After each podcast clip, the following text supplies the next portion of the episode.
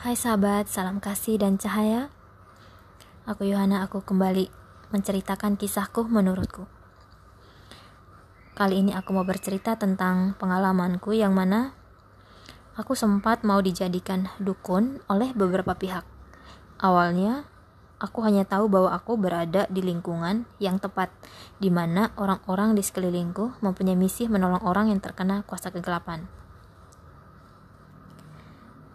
Dan di saat itu aku memang sedang sakit parah dan harus dibantu. Dan aku tertolong.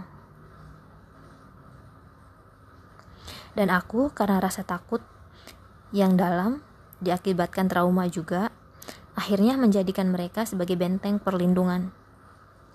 Dan aku sempat membatasi ruang gerakku karena ancaman dari kuasa yang tidak terlihat mata. Ketika kekuatan supranatural versi perdukunan ini dimasukkan ke aku, awalnya aku hanya tahu bahwa itu dilakukan untuk melindungi diri.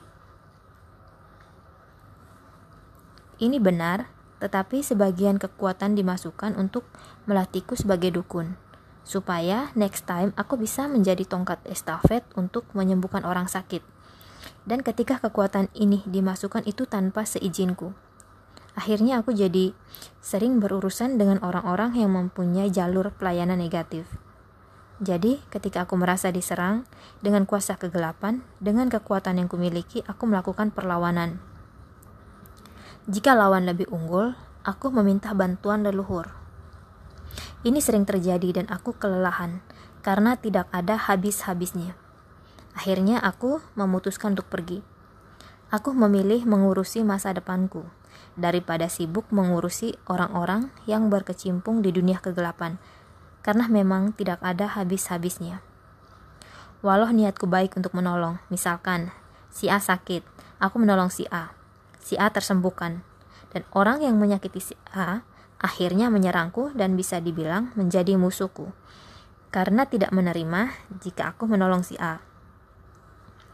Ketika aku memutuskan untuk pergi, hubunganku dengan mereka yang memberiku kekuatan menjadi berantakan. Di sinilah aku menyadari bahwa ternyata ada keinginan mereka untuk mengontrol. Buktinya, aku diizinkan pergi tetapi ekspresi mereka kecewa dan kesal. Awalnya aku sempat bingung, kenapa reaksi mereka seperti itu. Karena aku berpikir, aku mau ke mana, berbuat apa, itu adalah kehendak bebasku.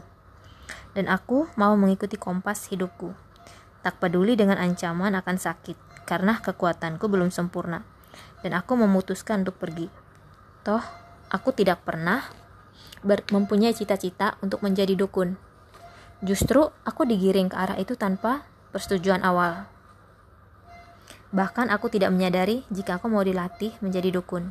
Yang aku tahu, aku menjadi pendoa. Belakangan aku sakit, dan akhirnya didoakan oleh seorang pendoa karismatik dari gereja Katolik. Dan aku berpikir, urusanku dengan kekuatan perdukunan ini sudah selesai. Ternyata belum. Sehingga harus dibantu lagi oleh pihak yang lain lagi untuk membersihkan semua kekuatan itu.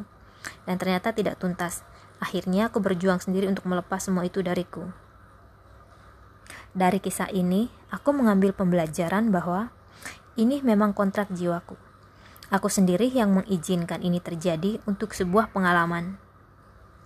Tetapi di dalam kontrak itu juga ada batasan waktu. Kapan aku tetap berada di area pengalaman itu dan kapan aku harus keluar dan menemukan jalan untuk kembali ke cahaya. Dari pengalaman ini juga aku akhirnya tahu bahwa ternyata menjadi dukun itu seperti ini. Berurusan dengan entitas rendah itu seperti ini bisa menolong orang, tetapi harus siap juga untuk diserang. Dan ketika kekuatan supernaturalnya semakin tinggi, dan si pelaku supernatural ini katakanlah salah jalur, kekuatan ini bisa berbalik. Dan dari pengalaman ini juga aku akhirnya menyadari bahwa cinta mereka ke aku ternyata bersyarat. Dan ada keinginan untuk mengontrol, tetapi aku memilih kedaulatanku sendiri. Dalam hidup, Kadang semesta mengkondisikan kita untuk dikontrol oleh pihak-pihak tertentu.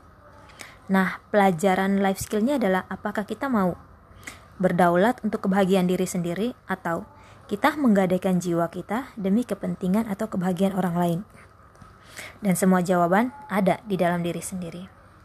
Nah sahabat, ini ceritaku. Thank you, namaste.